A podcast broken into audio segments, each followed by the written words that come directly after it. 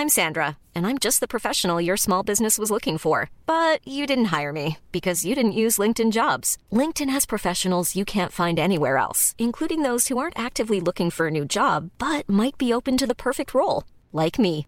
In a given month, over 70% of LinkedIn users don't visit other leading job sites. So if you're not looking on LinkedIn, you'll miss out on great candidates like Sandra. Start hiring professionals like a professional. Post your free job on linkedin.com/people today. This Mother's Day, celebrate the extraordinary women in your life with a heartfelt gift from Blue Nile. Whether it's for your mom, a mother figure, or yourself as a mom, find that perfect piece to express your love and appreciation. Explore Blue Nile's exquisite pearls and mesmerizing gemstones that she's sure to love. Enjoy fast shipping options like guaranteed free shipping and returns. Make this Mother's Day unforgettable with a piece from Blue Nile. Right now, get up to 50% off at BlueNile.com. That's BlueNile.com.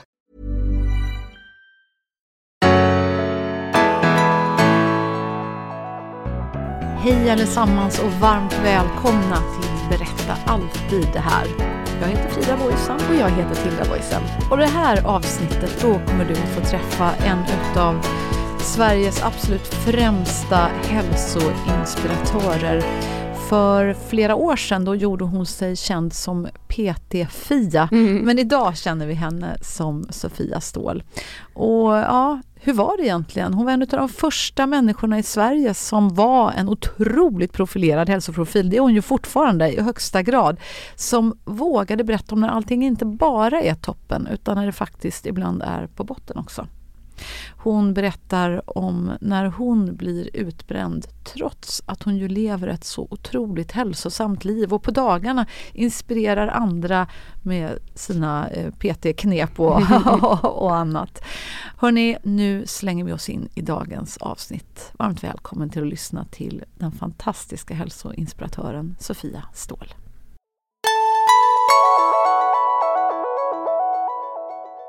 Då säger vi varmt välkommen till en av Sveriges absolut största och i vår bok i alla fall mest inspirerande hälsoprofiler. Vi har sett den i tv, i blogg och podd och i bokformat. Och, ja, Ja, vi älskar mesta. henne helt enkelt. Varmt välkommen Sofia Ståhl! Gud vilken presentation, tack snälla. Tack så jättemycket, tack för att jag får vara här. Mm, Det tack för att är är fantastiskt. Ja. Wow, tack. Ja, ja. Men du är ju verkligen en sån förebild för oss Sofia. Dels för att du på ett sånt härligt och inspirerande sätt bjuder på vägar till hälsa. Vi, har, vi håller här i vår hand din senaste bok 201 hälsohacks. Lämna disken, hångla istället. Ja, Ja, det är trevligt.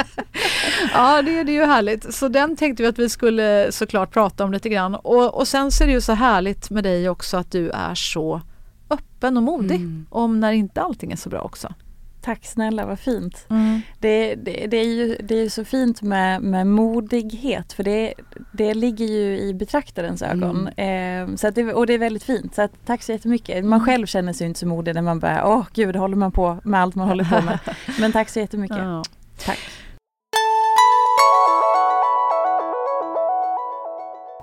2010 då blev du PT-Fia med, med svenska folket kan man väl säga. Mm. Du, eh, ja, plötsligt så syntes du och hördes överallt. Jag jobbade på, på tidningen Topphälsa faktiskt i den svängen och jag vet att varje gång vi hade dig på omslagen då, du sålde det som smör helt enkelt. Nej men för att du, du har en sån himla härlig inspirerande eh, stil. Ehm, men sen hände någonting. Midsommar 2012 då blev du sjukskriven. Vad var det som hände då egentligen? Ja, det är ju eh, eh, långt svar på den frågan men om Ja. jag försöker att korta ner det Mm. lite grann. Ehm, jag kom ifrån, jag är uppvuxen i, i lilla Hedemora i Dalarna ehm, och har liksom ville ta mig ut i världen. Eh, så att efter studenten så stack jag iväg till USA och skulle jobba som au pair. Och det var liksom ni vet, det var superdrömmigt och de hade bio i källaren och det var flera våningar på huset. Jag fick en stor Mercedes och köra runt Nej, själv och liksom skulle vara barnflicka. Eh, och så för mig var det som att komma till drömland och vara så- en sån här drömmiljö och bara det här man bara sett på film liksom. Hade en egen våning högst upp och sådär.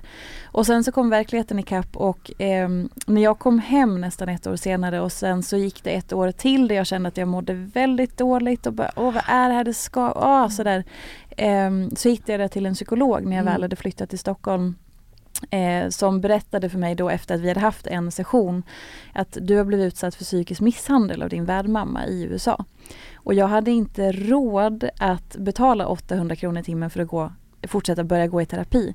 Eh, så då så här, okej okay, tack för den insikten, då vet jag det. Det här får mig att må dåligt. Eh, absolut, skönt. Då, har jag en, liksom, då fattar jag att jag inte mm. bara är dum i huvudet plötsligt.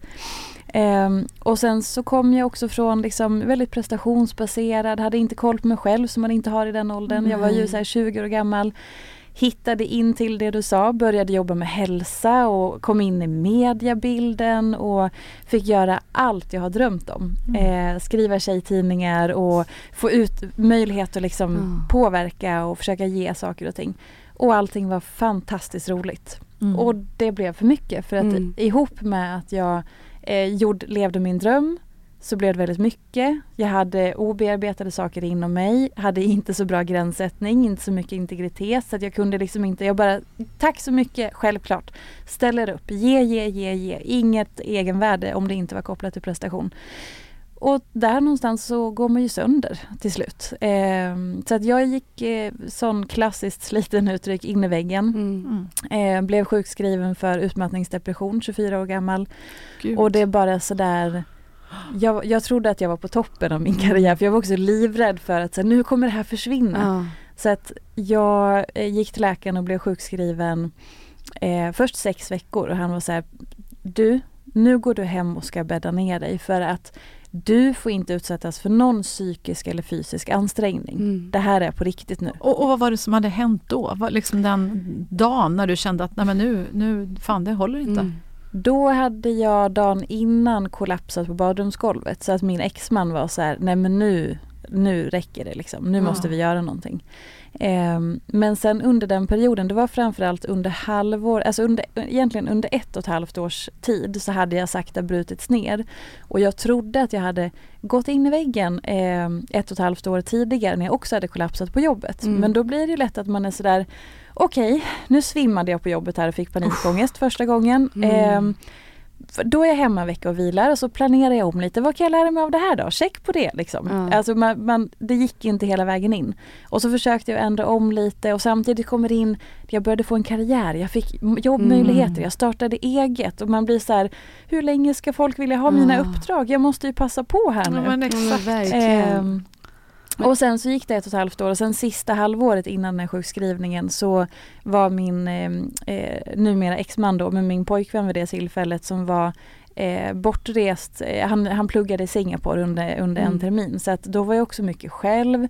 Jag hade full möjlighet att jobba från morgon till kväll och det är också det här med hur man värderar saker och ting. För att jag kommer ifrån en bakgrund där man jobbar hårt, man jobbar inom vård och omsorg. Eh, man är mycket, ursäkta uttrycket, men på golvet. Alltså för mm. att jag ska tycka att jag arbetar. Jag har jobbat som personlig assistent, jag har jobbat med vård och omsorg, jag har jobbat på McDonalds. Alltså hands-on, man måste jobba mm. ordentligt. För mig var inte att sitta vid datorn och skriva lite, det var inte jobb. Nej. Men sen plötsligt så befann jag mig i verklighet där jag gick upp klockan sex på morgonen, körde stenhård militärträning i en och en halv timme i grupp som jag tyckte var skitkul, cyklade hem, öppna datorn. Sen satt jag från, från typ 8-9 vid datorn och gjorde jobb fram till lunch. Då cyklade jag in och hade PT-kunder fram till 10 på kvällen. Oj, Men för mig så räknades ju bara PT-kunderna för det var ju ah. riktigt jobb. Ja, jag förstår. Och det, mm. innan den poletten föll ner så mm. hann ju jag liksom, jag fattade inte att jag jobbade så mycket som jag gjorde riktigt. Mm. Hur, så att, ja. hur kändes det när du väl gick till läkaren och han säger att det här är utmatt, utmattningsdepression? När du, du beskriver att du är ja, men under den tiden väldigt driven efter ja, men dina oh, gud, nu. eh, men prestationer just, vad du mm. gör och att du lägger mycket värde i det. Hur var det att höra att nej nu får du bara gå och bädda in dig du får inte göra någonting fysiskt eller psykiskt. Hur var det att höra då? Alltså i det läget så, jag, de här poletterna hade inte trillat ner ordentligt. Här, som sagt, jag var fortfarande väldigt eh, ung och väldigt eh, uppfylld av att jag hade åstadkommit någonting. För jag mm. också, med den bakgrunden som jag kommer ifrån så hade jag inte så stora ambitioner. Jag hade nog Pappa säger att jag har eh, ofta pratat om när jag var liten att jag skulle någon gång ska skriva en tjejtidning för jag tyckte det var väldigt mm. häftigt. Eh, och sen så att få göra det, det för mig var det som att så här, men är det här, har, har, vänta, har jag fått den här möjligheten? Har jag någonting att göra på den här platsen. Så att, för jag har liksom räknat med att så här, jag kommer ha ett vanligt jobb, jag kommer ha liksom, jag, jag har mm. inte drömt om att tjäna stora pengar eller driva företag fattar jag inte ens att man kunde göra. Så att det var också mycket för mig att jag var lite som att jag var inne på lånad tid och så här, när ska de komma på mig? Har jag mm. verkligen något att säga? Så att jag var så här, nu har jag, jag har byggt någonting här liksom. Um, så när det här hände, jag hade inte fattat att jag var så driven som, av prestation. Jag hade inte fattat vad utmattning var. Jag hade, inte fattat, jag hade inte fattat någonting mer än att jag mådde skit.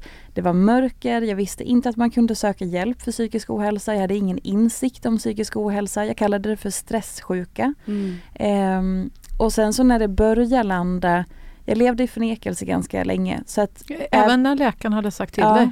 Min första spontana reaktion som jag kan skratta kärleksfullt åt idag är ju att när jag kom hem då och gick då, kom hem och min exman bara okej okay, vad har hänt? Ja. Jo jag är sjukskriven och med omedelbar verkan sa han och så här, här är pappret. Och han bara, ja men bra, gå och lägg dig. Bara, Vadå gå och lägga mig? Mm. Han bara, ja men du måste gå och lägga dig. Men jag har ju kunder om två timmar, jag måste gå och åka till gymmet. Det är ju onsdag idag, eller vad det ja. var. Han bara, vad menar du? Men en sjukskrivning börjar väl gälla på måndagar eller? Det är ju mitt i en arbetsvecka. ja, jag fattar någonstans ändå tanken även ja, om det låter ju... Så att, eh, och han var jättehjälpsam och hjälpte mig att boka av allting mm. och liksom mm. styra det praktiska och verkligen avlasta. Och sen så, jag, jag har liksom, brukar säga att det tog ungefär tre månader för mig att få sjukdomsinsikt. Så de följande tre månaderna handlade jättemycket för mig om att bli sjuk. Alltså jag var mm. redan jättesjuk mm. men jag fortsatte sjunka i tre månader för att så här, för det är så mycket man bara kämpar emot och håller emot och liksom äh, hela det där. Mm. Så att efter tre månader från sjukskrivningen så var jag sämre än någonsin. Och sen fortsätter ju det. För att när det handlar om en sjukdom som bidrar med Skuld, skam, identitetskris, vem är jag? Jag klarar inte ens av ett vanligt liv. Okej, jag är 24 bast, jag borde vara ute på nattklubb mm. och älska livet och här ligger jag och kommer inte ens upp ur sängen. Jag har laddat i tre dagar för att orka ta en dusch. Varför kan jag inte ens klara av livet? Nej. Och jag har jobbat med hälsa och jag är sjuk i huvudet. Alltså mm. ni vet, vad de här mm. tankarna. Så att det var liksom otroligt mörkt stundtals och väldigt ambivalent och skevt och vilse. Och, mm. Så den korta korta svaret på din fråga är att det kändes skit. mm. Men och när du var där, det, jag förstår precis vad du säger, alltså, det låter hemskt och mörkt och mm. farligt. Mm. Hur, hur, hur får du hjälp i den mörka stunden? Ja, alltså dels så har jag ju eh, jag har ju sjukskrivningen som ändå så här att jag, eftersom den, det är inte så att man blir sjukskriven liksom ett år i taget utan man har ju ändå en, en, så här, en pågående process och träffar läkare ibland. Um, jag hade hjälp i form av att jag hade mitt jobb och min blogg och kontakten med andra. För jag var ändå ganska, vid den tiden var ju, eh, det var ju bloggens stora era. Mm. Så att i det läget så var ju blogg det största formatet i sociala medier. Eh, Instagram hade inte riktigt kommit och liksom mm. sådär. Så att alla var på bloggar. Och jag var väldigt tidig som hälsobloggare. Vilket gjorde att jag hade ett stort, stort, stort följe. Och var tidig med att vara den jag är, alltså att jag vill alltid berätta som det är. Alltså what mm. you see it what you get. Jag har ingen jag, jag, kan inte hålla på att undanhålla någonting utan att säga okej okay, nu går jag igenom det här. Så jag var tidig med att säga jag mår inte bra just nu, jag refererar till min stresssjuka. Jag behöver lite tid att landa för att förstå vad jag går igenom men jag berättade ändå hela tiden löpande. Och ju mer jag kunde dela med mig av ju mer respons fick jag och förstod att åh herregud, jag är inte ensam. Vi är flera som går igenom det här. Jag är inte liksom ett hopplöst fall. Um, om jag berättar det här så betyder det att någon annan som också ligger hemma och tycker mm. att livet suger och att, och att, man är värdelös, den fick lite kraft idag och vi kan prata med varandra och sådär. Och jag hade ett incitament till att jag vill behålla det jag har byggt upp för mm. det här är viktigt för mig. Jag har lagt min själ i det jag har liksom byggt upp och det har inte med prestation att göra utan mer liksom att jag känner sån kärlek i att så här, det här är min passion. Mm. Eh, och den är så viktig för mig. Så att jag hade också så här, men jag vill ju, ah, jag vill mm. framåt mm. i det här. Hade jag inte haft det, hade jag haft en arbetsplats som var jag vet inte, chef jag inte kände någonting för, ett jobb jag inte kände någonting för, allt det där. Då hade jag garanterat, tror jag, varit sjuk mycket längre och på ett annat sätt för jag hade inte haft någon framtidstro. Men nu visste jag att så här, det här är min passion, min kärlek, min liksom, mm. det här är viktigt för mm. Och det hjälpte garanterat. Eh, och som sagt dialogen, responsen. Samtidigt så är den här sjuka perioden var också den enda gången jag fått näthat på riktigt. Så det är ju lite lustigt. Men, men det är ju så eh, sociala medier funkar. Varför då? Eller vad var det ja, för men... hat du fick då? Det känns ju ganska dumt liksom. Ja, men man får komma ihåg att det här är nu 11-12 år sedan. Mm. Sociala medier pratade inte om psykisk ohälsa Nej. då. Jag var en av de första eh, som pratade om utmattning offentligt. En av de första som, som kanske liksom, utan att jag förstod det, det var inte så att jag bara, oh nu ska jag, utan det bara, mm, hände, ja. det bara blev så. Men eh, jag fick också pris mm. under, de här, under den här tiden. Mm.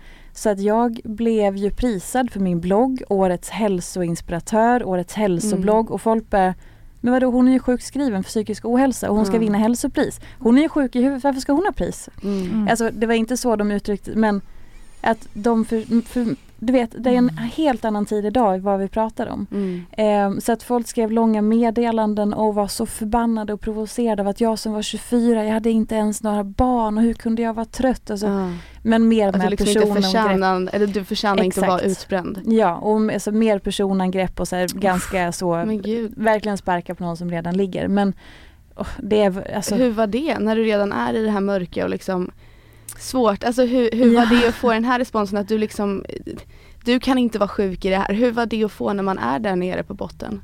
Ja, det är en bra fråga. Hur var det? Nej men det är klart att det går ju rakt in i det mm. läget för att alltid när man delar med sig av någonting som är eh, när man känner själv att nu lägger jag mitt hjärta på mm. bordet. Eh, för att jag bjuder in till det som är svårast och mörkast för mig då blir det jättejobbigt och kan gå helt rakt in än om man känner att här, man får skit för någonting som man bara, jaha, okej, okay, mm. ja men det är inte så viktigt eller det är din uppfattning. Gud um, fruktansvärt, ja man blir men, förbannad. ja och idag säger jag, alltså, och jag menar inte att vara liksom här, ja ja så men, men att jag också ser ju att så här, det nästan blir som att när allting kommer som är nytt mm så blir det som att så här, vi går igenom de här olika faserna i, och det var verkligen en ny era som startade ja. med att vi var, och vi var flera, det var inte bara jag som mm. började prata om psykisk ohälsa, vi var flera.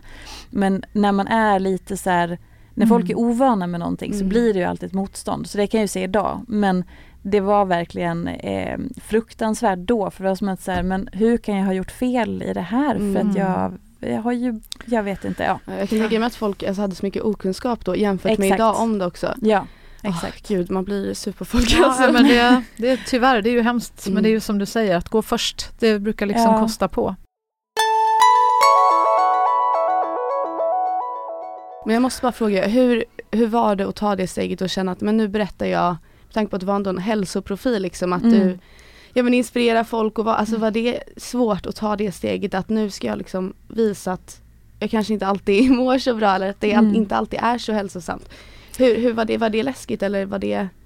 Det är en jättebra fråga. Eh, och jag måste verkligen så här, eh, gå till, försöka gå tillbaka mm. till det. För att idag alltså jag har levt så här i hela mitt vuxna liv, alltså mm. med sociala medier, att dela med mig. Att, för jag började som sagt när jag var typ 21-22 mm. så att som vuxen människa så vet jag inget annat än att leva så här, livsstilen med mitt jobb och dela med mig ja. av saker och ting.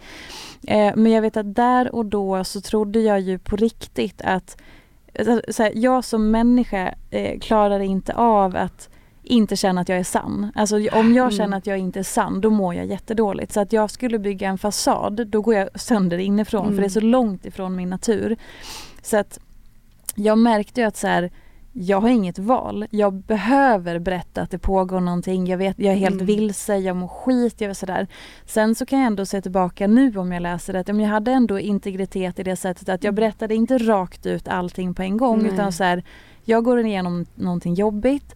Jag kommer berätta mer och mer efterhand. Men jag var öppen med att så här, någonting är väldigt fel mm. och så berättade jag mer och mer mm. ut efterhand. Men det som var med det steget när jag verkligen var så här, jag är utbränd. Mm Eh, jag trodde ju, eller jag var helt övertygad om att jag skulle aldrig få ett jobb igen, att jag aldrig skulle bli anlitad igen, att jag var körd på arbetsmarknaden mm. och att jag skulle stänga ner mitt företag, att allting var över. För att mm. när jag säger jag är utbränd så säger jag ju jag är förbrukad, jag är värdelös, jag har ingenting att komma med, ni kan inte lita på mig som arbetsresurs.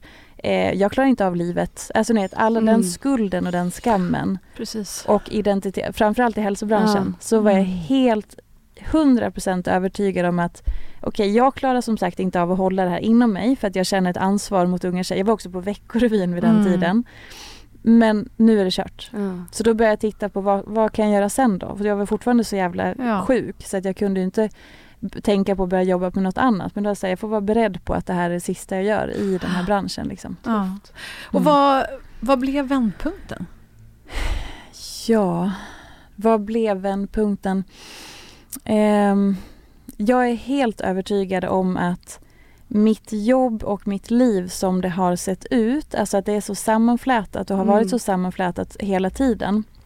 Eh, I det att jag, eh, jag lever som jag lär, jag går igenom utmaningar, jag kan använda mina erfarenheter i mitt arbete. Jag behöver hela tiden upprepa mina värderingar, mitt budskap och det jag tror på och det jag vill förmedla. I det behöver jag också ta ett ansvar. Eh, jag tror att det har hjälpt mig jättemycket mm. för att jag blir så påmind om var står jag? Vad vill jag förmedla? Vilket ansvar vill jag ta? Vad vill jag ge till andra? Och allt det där. Så att det gynnar ju mig som, som privatperson också. Så att jag tror att dels att jag har det att hålla mig i och som sagt framåtrörelsen. Eh, jag gick i terapi väldigt mm. tidigt. Det var terapeuten som fick mig att till slut gå till läkaren också för hon hade pushat mig för hon såg att när jag satte mm. mig i hennes stol så blev jag sämre och sämre och sämre. Mm. Eh, så jag gick i terapi väldigt tidigt och tog hjälp. Eh, och sen att jag Eh, jag fick vara sjukskriven ett år och sen så blev det massa grejer på mm. Försäkringskassan som gjorde nya regler och nya jämförelser med och sådär. Och jag kände att okej, okay, nu om jag ska fightas och vara sjukskriven igen, alltså fortsätta mm. efter ett år, då kommer det sluka all min energi. Okej, okay, men då provar jag, jag får släppa det, så får jag börja arbetsträna mig själv. Mm. Eh, så att då hyrde jag en kontorsplats tre dagar i veckan. Mm. Och på pappret tre dagar i mm. veckan. Eh, och det här var då eh, typ ett år och tre månader efter att jag blev sjukskriven. Mm. Så på hösten efter det så, så började jag och så var jag okej okay, men tre dagar i veckan betalar jag för. Första månaden var jag kanske där i tre och en halv timme eller mm. fyra timmar. Alltså så här, åker dit, sitter på stolen en liten stund, åker hem. Åker dit, okej okay, jag kan äta en lunch här eller jag kan ta en fika, åker hem. Mm. Åker dit, skriver ett blogginlägg på plats, åker hem, sover i två dagar. Alltså det var verkligen mm. så.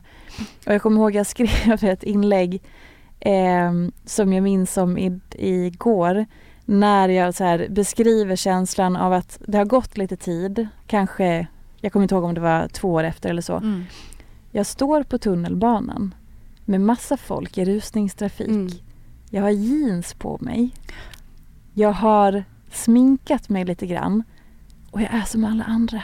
Jag har varit på kontoret, jag har jobbat, mm. jag är på väg hem och jag har jeans. Alltså, så när man är sjukskriven ja. så är man ju så långt ifrån ett par jeans man kan komma mm. i. Så här, både vad det kan vara symboliskt och så här, rusningstrafik, alla intryck, min hjärna mm. funkar. Jag har varit på jobbet och jag har ätit lunch, jag har pratat med kollegor och jag håller inte på att dö av utmattning. Jag, jag, jag har en vardag nu. Mm, Gud vad fint. Så att det är liksom alla de små stegen och också kanske då i med hjälp av bloggen också vara medveten om de stegen och så här, mm. åh nu kan jag omfamna mig själv, det här är nästa steg. Så jag är helt övertygad om att den, den, det, det gänget jag har haft med mig mm. har varit enormt viktiga. Och för det mm. är jag så sjukt tacksam. Att så här, mitt jobb var aldrig problemet. Det var aldrig mm. mitt jobb som skälpte mig. Det var jag och mina eh, destruktiva sidor, mina oupptäckta sidor, en bristande relation till mig själv och in, en, svackla, en vacklande självkänsla och allt det där i kombination med yttre påverkan mm. och att saker och ting gick väldigt fort. Och det, det, är fortfarande det kanske jag är mest tacksam för, förutom att jag mm. fått mitt barn. Mm så är jag så en extremt tacksam för att jag gick igenom det här, för jag behövde det. Mm. Gud vad, vad inspirerande också hur du kom tillbaka, för tänker jag det, det är liksom inte alltid så lätt Alltså när man väl känner, ja men nu liksom, nu är det dags, nu ska jag göra att man tar på sig för mycket ansvar direkt. Man känner mm. liksom, men nu blir det som jag gjorde förut för det är ju vardagen. Men att du liksom direkt ja men nu, nu gör jag det jag orkar, nu är jag här i tre timmar en månad liksom men det, det får räcka. Ja. Det var alltså, alltså att ha den uthålligheten Ja men exakt, också. också bara den att det känns, men det känns okej för mig att göra det här också. Att, ja men att bara ta det så långsamt tills det, det blir kändes... exakt det man ska göra. Ja, det kändes inte okej då ska jag tillägga. Okay. Alltså, nu när jag återberättar det så mm. kan, kan det ju låta insiktsfullt mm. alltihopa. Men, men jag vill verkligen vara tydlig med att det var en fruktansvärd kamp ja. och det var mycket, många gånger när jag Eh, jag kommer ihåg specifikt i början när jag hade bokat en tid. Mm. Bara det att boka en tid gav mig panik och jag såg, det var något tillfälle jag skulle på ett möte och var ändå så i hyfsad form eller man säger. Mm. Jag hade kommit tillbaka en del och sitter i badrummet och så här, hela den dagen är bara ångest, ångest, ångest. Det är så här förlamande känsla mm. och så mm. ser jag, tittar jag på klockan hur den liksom bara så tick, tack, mm. tick. Ja. Och sen så blir jag så här, okej okay, nu är det bara en kvart och jag är inte i stan. Jag sitter i Hammarby sjöstad. Jag har inte klätt på mig, jag har inte duschat och börjar så här, jag måste skriva att jag ska inte komma och så börjar jag skaka och så börjar skrika i en handduk för att jag känner mig så jävla värdelös. Så att även om det låter insiktsfullt mm. nu så anledningen till att kunna, okej okay, men jag, jag liksom Alltså varje framsteg jag tog handlade ju om att jag hade gått på nitarna. Jag mm. hade pressat mig för hårt. Jag fick tänka om. Okej, okay, det här funkade inte. Nu, nu gick jag sönder lite igen. Okej, okay, då får jag prova på ett annat sätt. Så mm.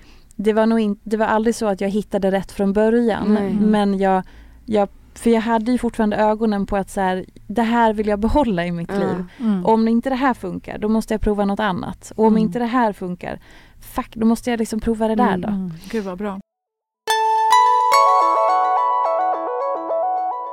Jag blev nyfiken på att höra lite mer om den här eh, hemska upplevelsen du hade när du var au pair. Vad var det när du liksom ja. började titta tillbaka på det? Vad var det du blev utsatt för? kanske kan vara intressant för andra att höra och, och tänka, kanske har jag också blivit utsatt ja. för en sån människa? Vad mm. var det som hände?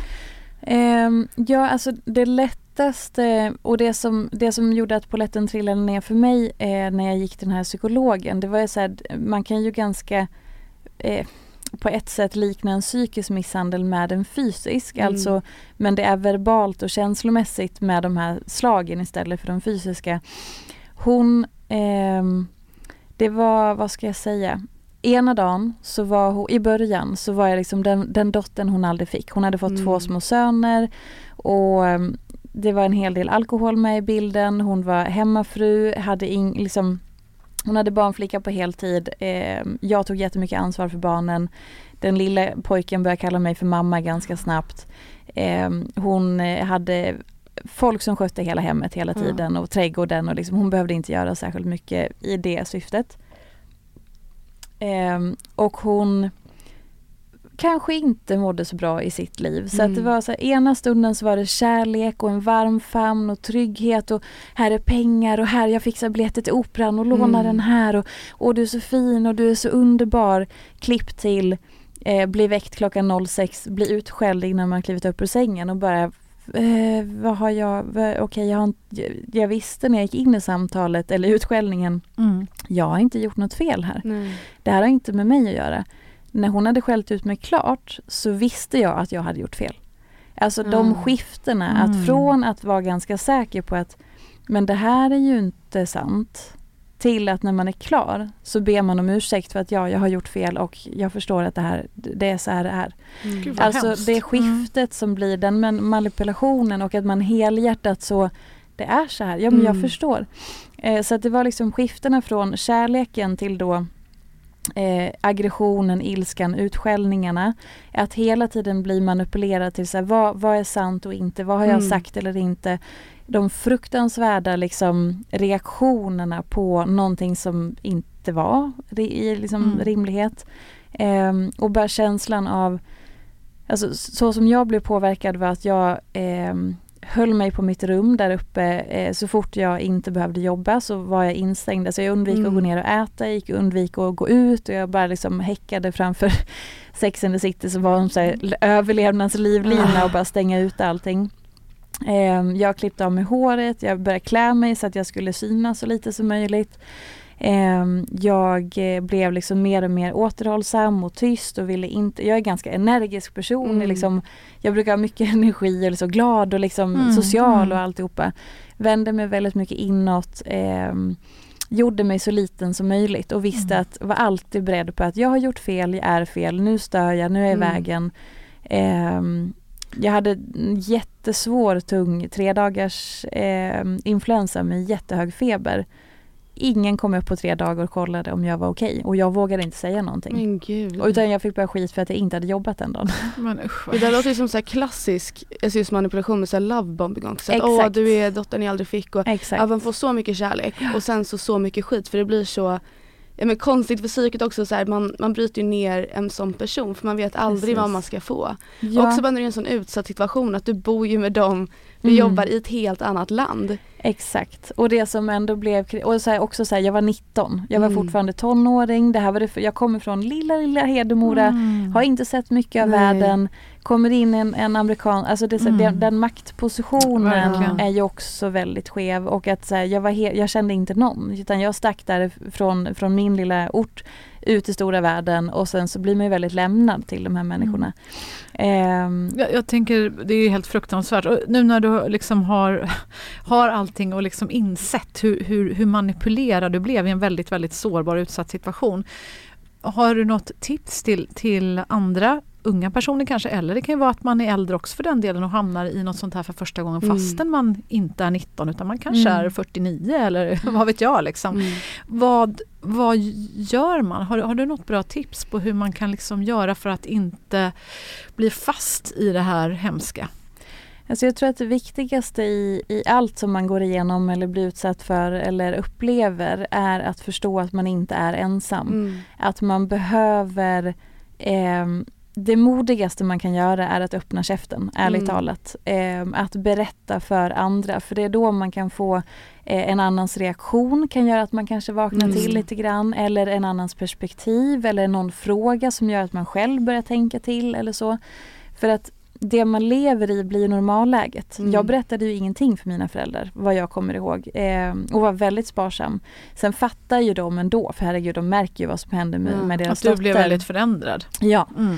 eh, men det var ju först när jag kom hem som saker och ting blev tydligare och inte ens då ville jag ju prata om det. Men det man också behöver med sig är att man blir så hemmablind. Alltså det, Mm. Och att bara för att någonting är välbekant så betyder det inte att det är tryggt. Nej. Så det är ju också det här med att man behöver ofta då, om man berättar, om man delar med sig, så, så kan man också se på andra att, men vänta nu, är det här, jaha, Mm. det här. Och samma sak när jag gick till den här eh, eh, första terapeuten som också så här, men det här, det här är psykisk misshandel. Hade Mm. ingen aning. Jag ville bara lätta på hjärtat och förstå varför känner jag sånt jävla mörker och att jag Mm. mår så dåligt. Varför har jag plötsligt blivit som ett darrande asplöv som som, som är rädd för Mm. att möta andra människor för jag är så beredd på att bli utskälld hela tiden och att jag har gjort någonting fel. Så att jag gick runt som ett ni vet, så här, rå- rådjur i strålkastaren Mm. bara, "Ah!" så. Gud det, det du säger alltså, tycker jag är så viktigt just Mm. för att det blir precis som det blir det normala. Mm. Det, speciellt med tanke på att det blev så manipulerad och utsatt för det här. Mm.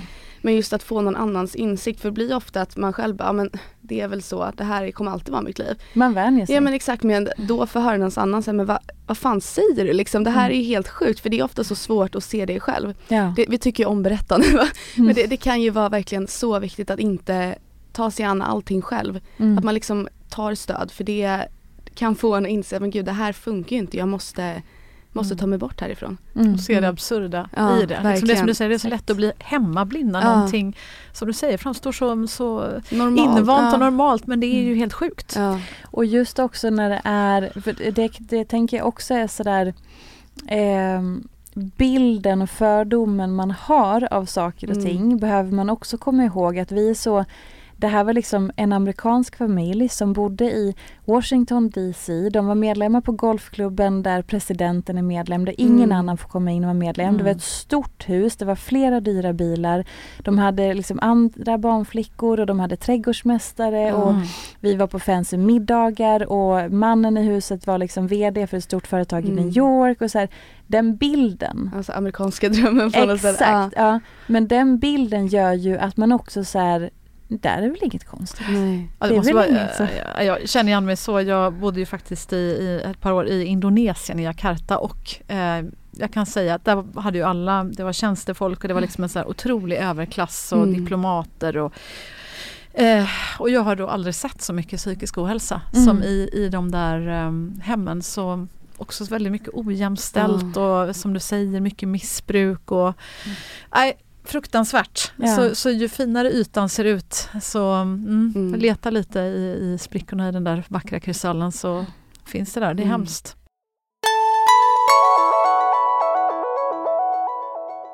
Du, jag måste bara fråga, du mm. berättade att eh, ja, men innan du blev utbränd så hade du ja, men haft din första panikattack på jobbet. Eh, mm.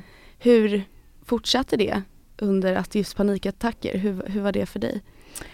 Eh, det var den första som jag upplevde där jag inte riktigt heller förstod vad som hände. Det var mm. ju då, då hade jag, eh, jag minns den här dagen jättetydligt. Det blir ofta då så här, när man går igenom någonting. Mm. Så man, då hade jag eh, kund ungefär vid lunch så att hela morgonen så hade jag, och det var liksom vinter ute, det var kolsvart väldigt länge eh, och jag hade börjat se att eh, och stirrat. För det, det var en grej som jag gjorde när jag, så det var mm. som att så här, mitt system bara så här, overload så då hamnade jag stirrandes i soffan. Och vissa dagar när, när min exman då kunde, så här, kom hem från, från högskolan när man pluggade på så precis innan han kom så tände jag en lampa för då hade jag sett att i mörkret och börjat stirrat rakt ut i luften mm. i någon timme. Oförmögen att liksom eh, röra mig. Mm. Så att jag skulle till jobbet och jag kände att jag så här, okej, okay, idag behöver jag ta all, det att man vet att det är någonting som är fel mm. från start. Och det här behöver jag verkligen samla ihop mig själv. Typ plocka ihop alla delar, sätta ihop mig. Stod framför spegeln och grät och försökte sminka på för att all, det var som att hela systemet bara skrek mm. för jag var så sönderstressad. Mm. Eh, tog mig till jobbet och sen är, har jag upplevelsen av att jag liksom sprang in i receptionen och, och min kollega frågade Åh men hur är läget? Men ni vet man, så här, man ser framför sig en så här skridskobana, en cirkel mm. typ. Bara, rum, och sen så ner för trappen och sen bara pang ser stjärnor, betonggolvet som kommer närmare. Min kollega Martin lyckas fånga oh, upp mig på något vis. Och sen bara ligger jag i en soffa och de klappar mig på pannan och bara Men du, vad tog du vägen? Vad hände? liksom sådär. Mm. Oh. Och då trodde jag att jag hade gått in i väggen. Mm. För, och jag fattade inte panikångestgrejen förrän senare. Men det var liksom min första sån så här, oh gud, det här mm. verkligen satte systemet stopp. Um, Just första sen, panikångestattacken för mm. många är så man har ingen aning vad det är. Många tror typ mm. att de ska dö liksom. Man Exakt. fattar inte vad det är. Det kan vara jätteskrämmande. Exakt. Och sen så hade jag det återkommande. Jag kan inte säga hur mycket eller, för det är också en del i allt det här. Jag kommer ju inte ihåg så Nej. mycket för att mm. en del i utmattning är också minnet blir mm. förstört. Så att mm. anledningen till att jag också kan berätta en del saker är för att jag har min blogg. Jag har liksom, mm. jag har, jag har skrivit ner, mm. jag kan gå tillbaka till eh, den faktan men känslomässigt i min minnesbank mm. så har jag ju väldigt svår, dålig uppfattning om om jag bara ska plocka saker ur minnet för mm. det är ju väldigt förstört. Ja och det är också väldigt vanligt, alltså man går igenom ja. just något jobbigt eller trauma eller vad det nu är, att mm. liksom det blir den här överlevnadsinstinkten i hjärnan, att men vi bara mm. tar bort allt det jobbiga. Mm. Ja. Men hur, du sa att du hade återkommande efter, F när fick du liksom reda på vad är det jag går igenom? Med just panikångest? Ja. ja det är en bra fråga. Alltså. För det blir ofta lättare att hantera när man faktiskt fattar att jag kommer inte dö, det här mm. liksom är panikångest och det går över. Exakt, jag tror väl att det var väl, alltså dels, för jag började gå till en, en eh, eh terapeut eh, ett, jag tror att det var ungefär åtta veckor innan jag blev sjukskriven och hon mm. hade själv varit utmattad. Så hon förstod ju var jag var på väg någonstans och hon läste ju mig väldigt bra. Och vi pratade väldigt mycket om USA och jag berättade väl hur jag mådde. Så jag, jag, tror att det var någonstans där som pusslet började läggas i att mm. hon också förberedde mig på, för hon ville ju att jag skulle gå till läkaren och bli mm, sjukskriven mm. och jag kämpade ju emot. Så det var väl i samband med det också mm. när jag började fatta att så här, jaha, men okej det här. Så att jag lärde mig nog mer under, mm. alltså när vården kom in.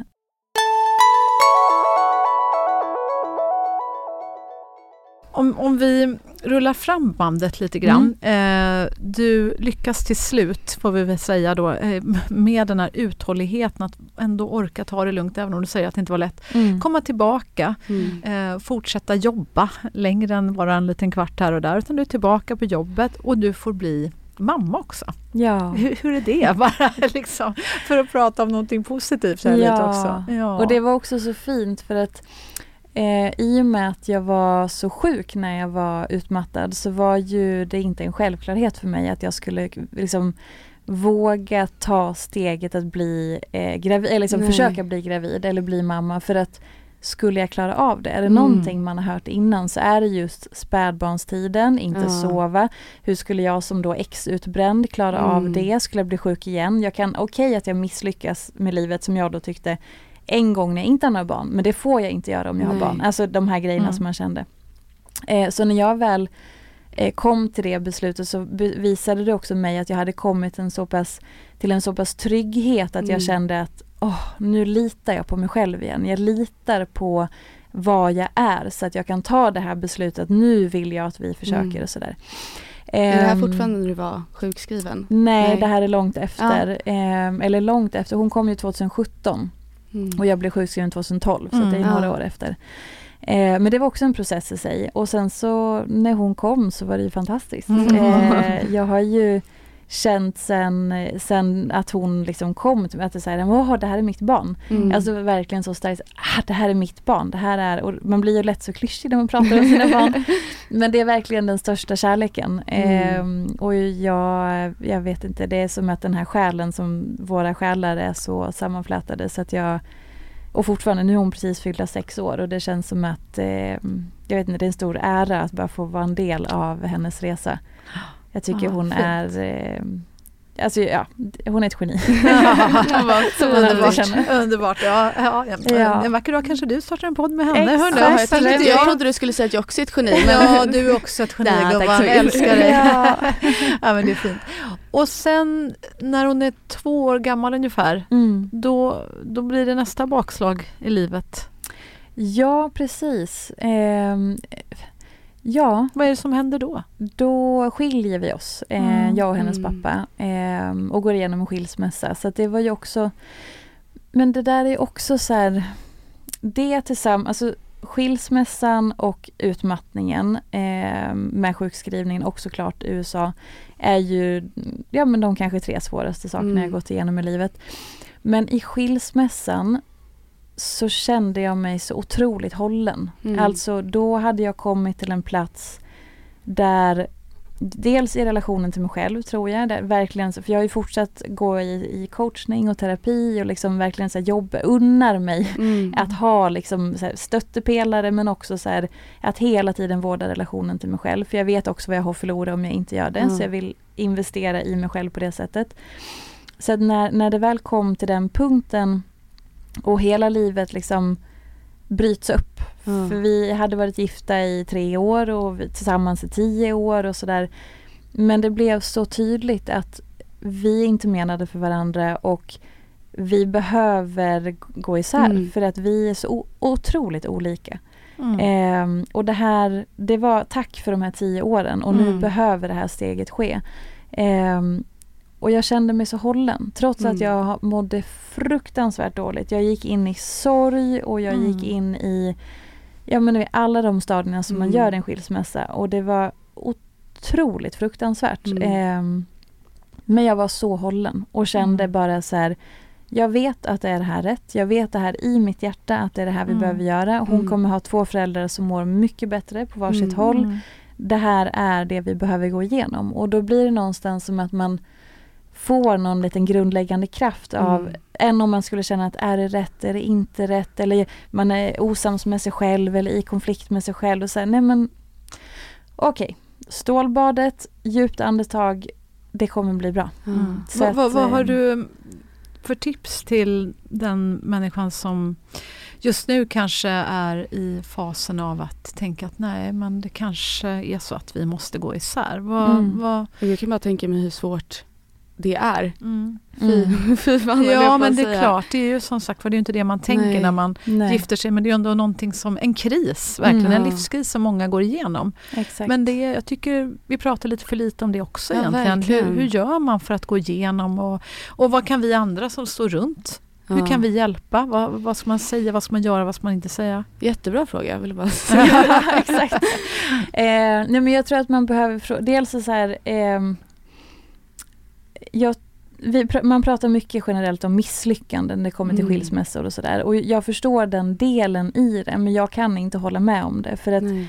någonstans så, alltså här, att stanna i en relation som är eh, död eller i överlevarläge eller så här, nu blev det så här men vi är inte lyckliga, vi har ingen, vad den kan vara som, som man går igenom. Att så här, för mig så var det väldigt tydligt att det är ett större misslyckande och jag är en sämre förebild för min dotter om jag bara så här nu blev det så här, nu mm. överlever vi. Ja, vi är inte lyckliga men bap. Alltså, för mig så, det finns inget misslyckande i att vilja gå vidare. Det finns, Jag tycker att det är och jag vet att man tycker olika om det men för mig är det en större kärlekshandling att hedra det man en gång hade mm. genom att säga här behöver vi välja en annan väg, mm. än att man krampaktigt håller fast för att det var det vi en, valet vi en gång mm. gjorde. Det är så intressant Verkligen. att du säger det för att eh, ett ord som jag stött på några gånger när, när jag har eh, läst dina texter och böcker och så här, det är det här ordet ombestämma sig. Mm.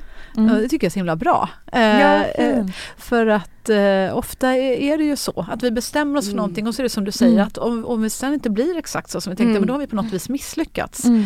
Men att liksom bara, hallå, kan vi tänka bort, måste vi mm. fastna i det? Måste ja, det vara så att det som var rätt och var ett mål för några år sedan, det kan ju faktiskt förändras. Mm. Och det, det, det, tror jag är en viktig insikt.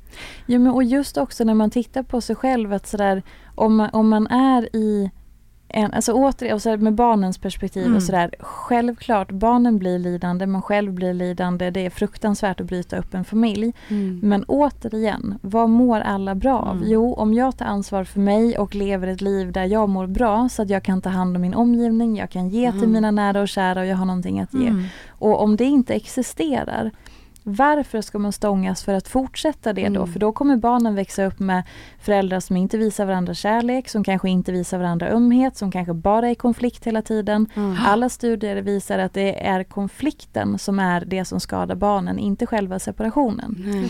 Så att det är också så här, jag tror att dels behöver man så här, som utmana sig själv i de här tankarna om att det skulle vara ett misslyckande och fråga sig själv, men vad tror jag på? Vad behöver mm. jag? Mm. Eh, Okej, okay, kan jag helhjärtat säga att med hjärtat så har jag gett allt i den här relationen? Mm. Ja, det kan jag. Okej, okay. då känner, för jag tror man måste ja, komma till den punkten. Mm. Så känner man att ja, men jag har lite mer eller jag är inte helt säker eller jag kan, då är man inte redo. Då ska man inte ta det steget. Men om man känner jag har gett allt allt, mm. allt, allt och hjärtat är fritt när jag säger det. Där, mm. då kan man göra det. För då vet man också att då är det det som kommer hålla en mm. igenom det. Och sen så för mig så eh, jag upplevde att själva beslutsfattandet var en enorm eh, börda och sen en frihet. Alltså inför att faktiskt ta beslutet, mm. fruktansvärd tid. Mm. När man har tagit beslutet, befrielse. Mm. Ja. Och sen kommer ju nästa fas igen, sorgen och allt det där. Ja. Men ändå att så här, då är det tydligt, det är ärligt, det är riktning mm. och sådär.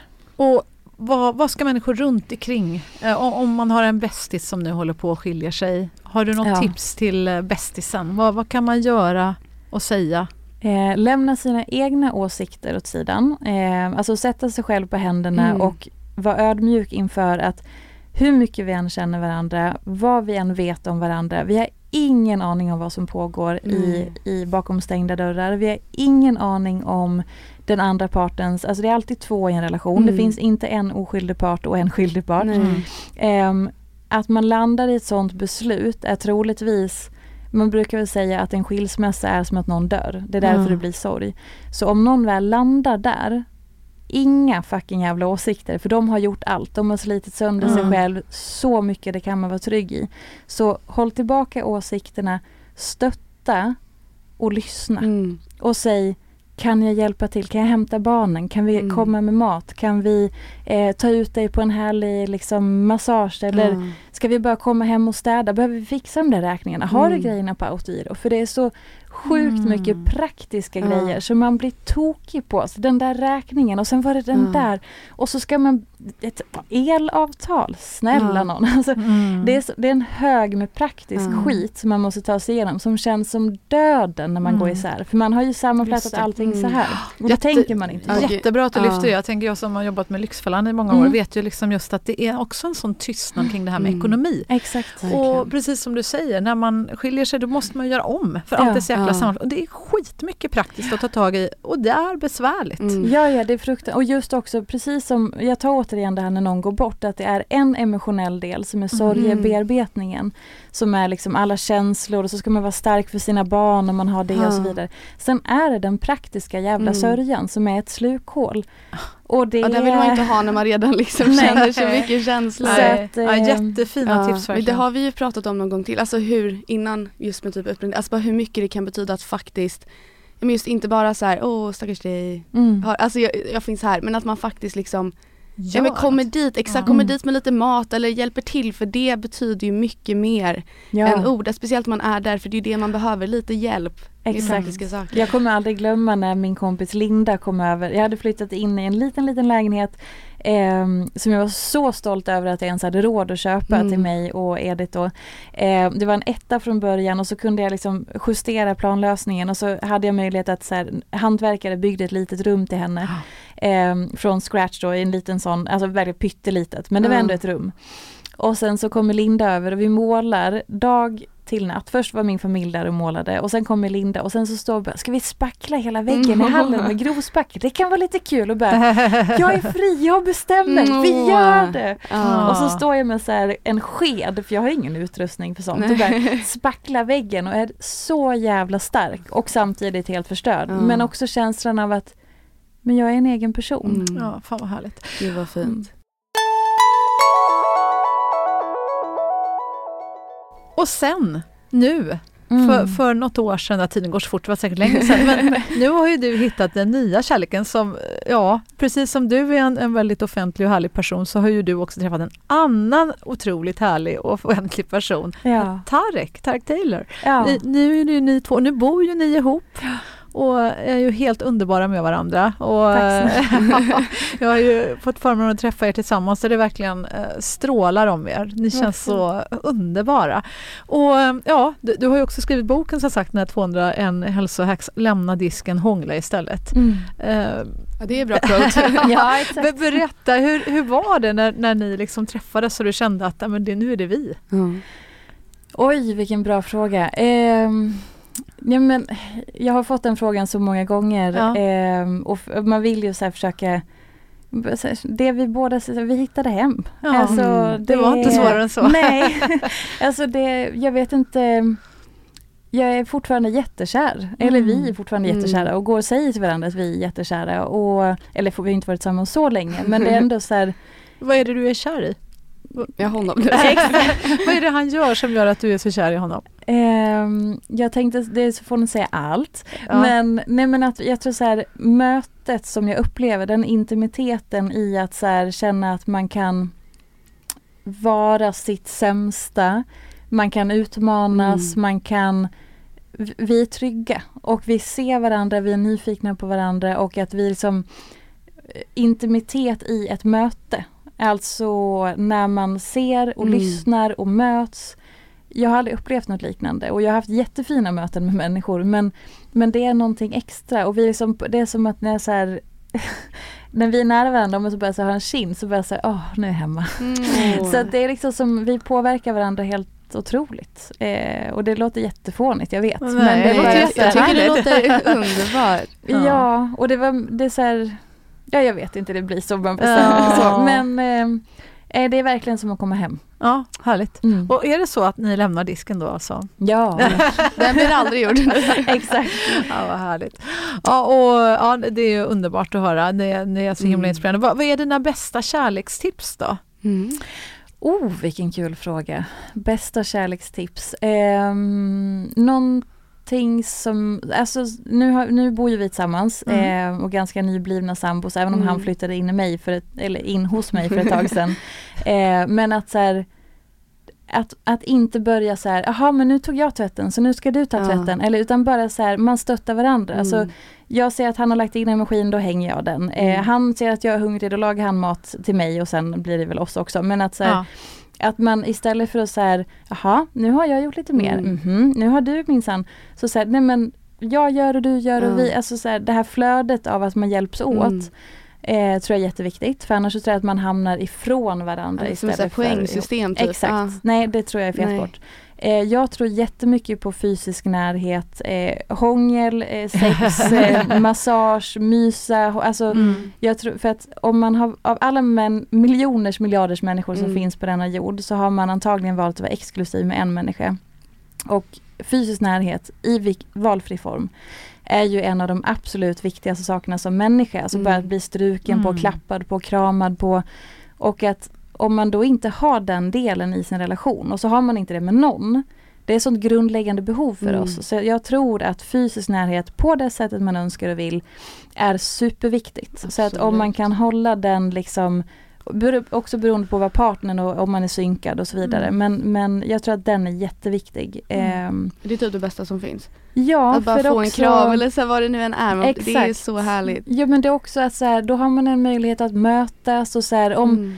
Då blir jag också kanske mer benägen att så här, vi hjälps åt, vi connectar. Det är just Ja. den här connection. Så Mm. att om man säger så här, ja, men, vänskap är det viktigaste och det, sexlivet är inte så viktigt. Så här, I min bok så nej, jag håller inte med om det. Den Nej. är jätteviktig. Mm. Ehm, alltså någon form av närhet liksom. Ja. Mm. Ehm, och sen så tror jag på att prata. Ja. Att man så här, berättar dels vad man behöver och förstår att man kan inte läsa varandras tankar. Och att man också kan säga så här, nu lyssnar jag och är intresserad. Jag lägger Mm. bort telefonen, vi pratar, jag ställer följdfrågor. Och så möts man i det Mm. så att man får utrymme att så här, se. Sen behöver inte det vara superkomplicerat men att man tar, visar varandra Ja. den tiden och respekten. Det tror Mm. jag på. Jag tror att det är många som liksom inte, men så glömmer bort det till slut. Mm. Att det blir så här, ja, att det blir lite så här, man, under en tid att det blir liksom svårare att kommunicera. Mm, Att man liksom tappar det exakt. med varandra. Ja, kanske att man tror att man Ja, redan men vet exakt, vad det är. Alltså, exakt. jag antar det Mm. människor som har varit ihop Mm. med varandra länge, att man tänker så här, jag vet redan Ja. svaren på, på frågorna så att säga som man har. Hur, hur gör du och ni där för att hålla den nyfikenheten Ja. på något vis levande? Alltså vi lever ett sånt konstigt liv. Nej men det är det också som är så, det här livet som, som vi lever, eh, vi sa det senast här, här veckan när vi var på Cancerfonden 20 år, att så här, herregud vad vi får uppleva mycket. Mm. Eh, för vi båda har två ganska ovanliga jobb, vi, vi bor i en stad, vi blir inbjudna till saker och ting, vi har nya vänner, gamla vänner, vi har liksom det är så mycket som händer. Vi har, vi har jobb och företag som, som kommer in så det är så mycket som vi får av, av att vårt liv ser ut så som också så här, det blir nytt att vara nyfiken på Mm. hela tiden. Men sen tror jag också att så här, att utmana varandra i att så här, ställa otippade frågor, att ställa fler följdfrågor. För om jag ställer en fråga och sen till slut så blir det, eh, man kanske kommer dit och så Mm. bara, men om jag frågar så här då? Eller om jag Ja. frågar så här då? Precis, Eller, anstränga sig lite. Ja, exakt. Ja. Och sen tror jag på att tramsa. Alltså det, och det spelar ju lite grann, eh, den här titeln Lämna disken hångla Mm. istället är också så här, okej men om jag ska stå ut med att leva med den här människan för resten av mitt liv, fasen vad kul vi behöver ha. Mm. Så att man också, och vi har jättemycket sådär, alltså Ja, fånar oss åh, och Ska du inte berätta vad du och- har tatuerat på din arm? Ja, ja absolut. Eh, tillit, kåtslag, kåtslag och lek. Ja. Eh, och det är också så här för att det är så jäkla lätt att det blir styrt och ställt och eh, ja, ja, bla, bla sådär.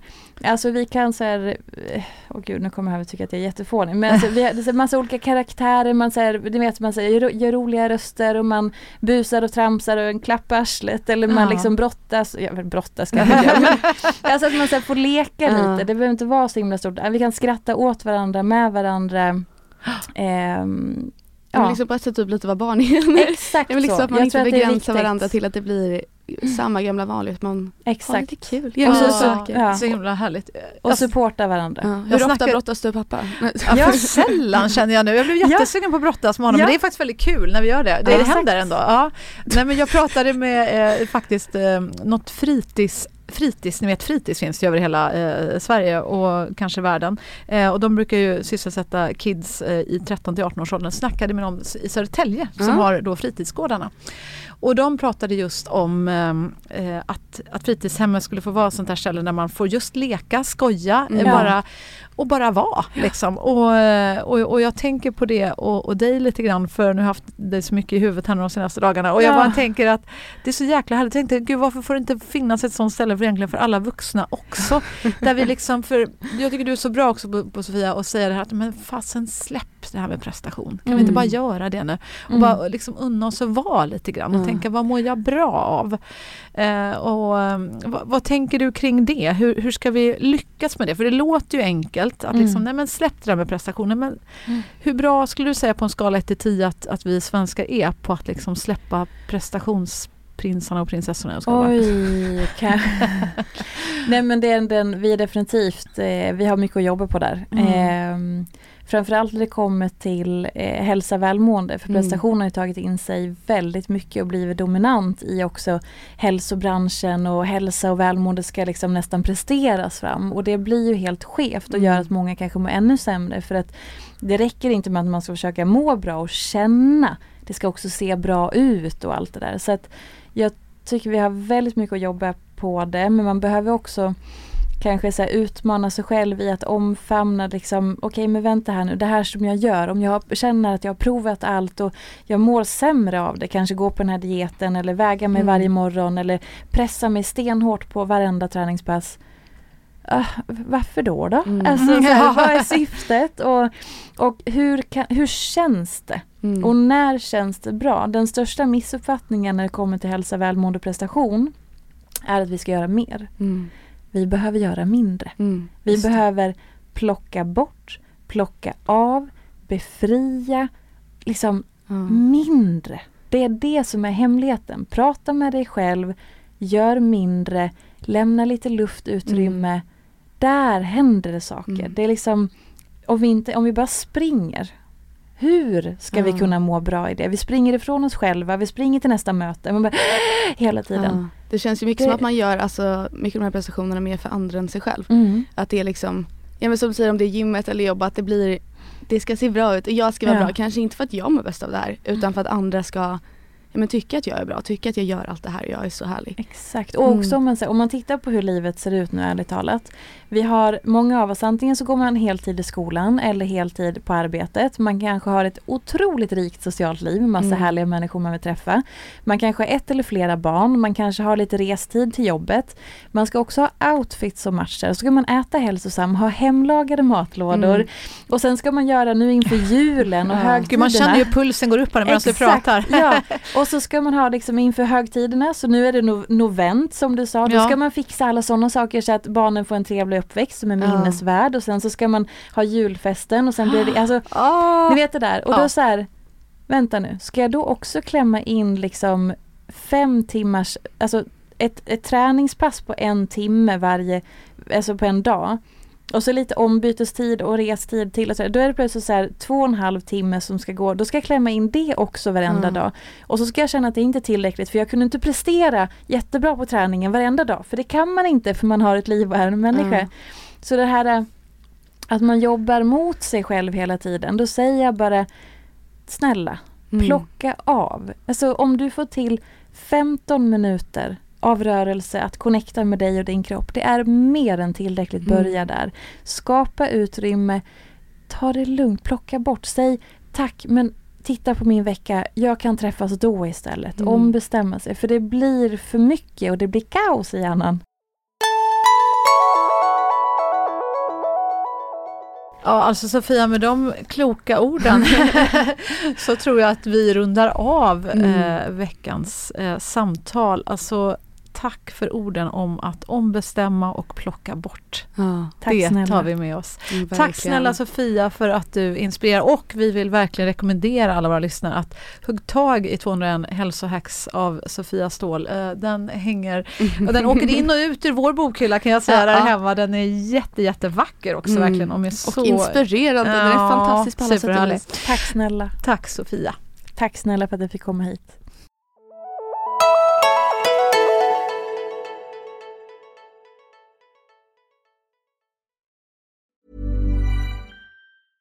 Hey, it's Paige DeSorbo from Giggly Squad. High quality fashion without the price tag. Say hello to Quince. I'm snagging high-end essentials like cozy cashmere sweaters, sleek leather jackets, fine jewelry, and so much more. With Quince being 50 to 80% less than similar brands.